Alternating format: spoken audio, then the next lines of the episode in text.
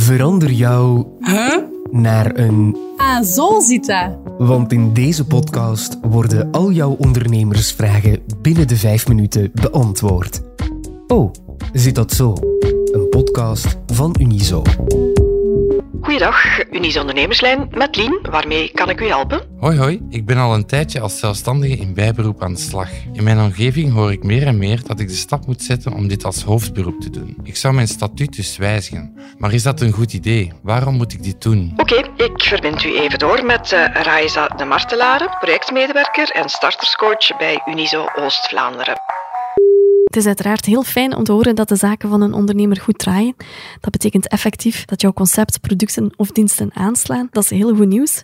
En dan kan een wijziging van jouw statuut uiteraard interessant zijn. Maar misschien is het wel belangrijk om te vermelden dat je niet altijd zelf de keuze hebt. Want voor zowel zelfstandigen in bijberoep als zelfstandigen in hoofdberoep moet je aan bepaalde voorwaarden voldoen. Wijzigt jouw situatie en voldoe je niet meer aan de voorwaarden van jouw statuut, dan dient het aangepast te worden. Het zal misschien gemakkelijker zijn als ik het concreter maak met een voorbeeld. Denk bijvoorbeeld aan een zelfstandige in bijberoep die overdag voltijds in dienstverband bij de supermarkt werkt, maar ontslagen wordt. Die persoon is dus werkloos, maar heeft nog een onderneming en zal dus automatisch zelfstandige in hoofdberoep worden. Vindt diezelfde persoon twee maanden later een job als bediende bij een advocatenkantoor, ja, dan zal dat statuut opnieuw gaan wijzigen naar zelfstandige en bijberoep, omdat hij dan opnieuw in dienstverband aan de slag is. Dus wijzigt je situatie, dan denk ik dat het vooral belangrijk is dat je dit meteen doorgeeft aan jouw sociaal secretariaat. Doe je dat niet, dan kunnen er onnodige kosten gaan bijkomen. We horen vaak van ondernemers dat de zaken in bijberoep heel goed lopen en dan is het eigenlijk logisch dat je fulltime aan de slag wil gaan in jouw zaak en dat je ook meer beschikbaar wil zijn voor jouw klanten. Het gebeurt ook dat ondernemers te weinig voldoening halen uit hun hoofdberoep en eigenlijk ja, hun bijberoep met veel meer passie en liefde doen. Soms is het ook louter een kwestie van budget. Meer geld op je rekening is soms nodig vooraleer je veilig en risicoloos de sprong kan wagen. Om even terug te komen op de wens om om te schakelen van bijberoep naar hoofdberoep, dat kan uiteraard. In dit geval zal je jouw uren in dienstverband moeten verminderen. Ofwel zeg je je job volledig op, ofwel ga je minder dan 50% of minder dan halftijds aan de slag.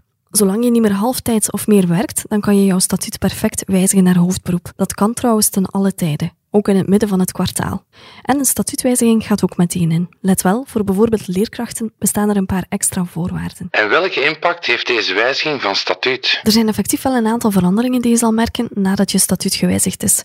Om te starten, elke ondernemer heeft een ondernemingsnummer nodig, zal zich moeten aansluiten bij een sociaal verzekeringsfonds en betaalt vanaf dan ook sociale bijdragen. Ga je van bijberoep naar hoofdberoep, dan zullen je sociale bijdragen gaan stijgen. Als zelfstandige in hoofdberoep ben je een minimumbijdrage of momenteel een minimumbijdrage verschuldigd van ongeveer 900 euro per kwartaal. In ruil ga je wel rechten gaan opbouwen, sociale rechten als zelfstandige. Denk bijvoorbeeld aan uitkeringen die je krijgt bij een arbeidsongeschiktheid, pensioenopbouw, maar ook terugbetaling van bepaalde ziektekosten. In bijberoep heb je deze bijdragen ook, maar ze liggen doorgaans een stuk lager. Ben je benieuwd naar de inschatting? Dan kan je daar heel veel handige tools voor gebruiken. In de show notes kan je er alvast eentje terugvinden. Let wel, als zelfstandige in hoofdberoep heb je eigenlijk altijd een kleiner sociaal vangnet dan een werknemer. En soms krijg je ook te maken met wachttijden. Het is dus aangewezen om je sociale vangnet zelf te gaan uitbreiden. En dat kan door bijvoorbeeld een verzekering gewaarborgd inkomen af te sluiten of door extra pensioensparen te doen. Het is belangrijk om vooraf de rekening te maken. Bekijk het financiële plaatje. Hè. Kan je door minder in dienstverband te gaan werken voldoende centen overhouden via je zelfstandige activiteit om bijvoorbeeld jezelf uit te keren? En houd daarbij ook in het achterhoofd dat sommige kosten mogelijk zullen stijgen, zoals de kwartaalbijdrage van datzelfde kalenderjaar. En denk ook aan de extra kosten waarmee je jouw sociale vangnet kan uitbreiden. En natuurlijk is een hoofdberoep anders dan een bijberoep. Het wordt dus even aanpassen. Kan ik hier ondersteuning in krijgen? Bij ondernemen komt inderdaad altijd heel wat kijken, maar voor zelfstandigen in hoofdberoep is dat inderdaad nog wel wat meer. Gelukkig bestaan er verschillende opties om je te laten begeleiden of ondersteunen. Ik zou zeggen, ga van bij de start meteen op zoek naar een betrouwbare partner. Denk hierbij bijvoorbeeld aan Liantis en sluit je ook aan bij Unizo. De eerste maanden na de opstart kan dit zelf gewoon gratis. Wij geven echt met plezier advies en begeleiding en organiseren ook heel veel interessante activiteiten, waaronder netwerkevents. Ook financieel kan je uiteraard hulp krijgen. De mogelijkheden zijn ontelbaar. Denk bijvoorbeeld aan de starterslening of aan de maatregel springplank naar zelfstandigen. Daarbij kan je eigenlijk een jaar lang in bijberoep aan de slag gaan, terwijl je een werkloosheidsuitkering ontvangt. Na een jaar moet je uiteraard wel gaan beslissen of je al dan niet als zelfstandige in hoofdberoep aan de slag gaat en vervalt de uitkering. Maar om over die financiële mogelijkheden te praten, ik zou daar echt nog heel lang over kunnen uitweiden. Uh, dat is misschien beter voor een andere podcast. Onthoud gewoon, bekijk je persoonlijke financiën, laat u begeleiden door een betrouwbare partner en neem altijd contact op met het Sociaal Secretariaat als je effectief een wijziging doorvoert. Ik wens je alvast heel veel succes als je de sprong zou wagen. O zit dat zo is een podcast van Unizo met expertise van onze interne diensten en partners.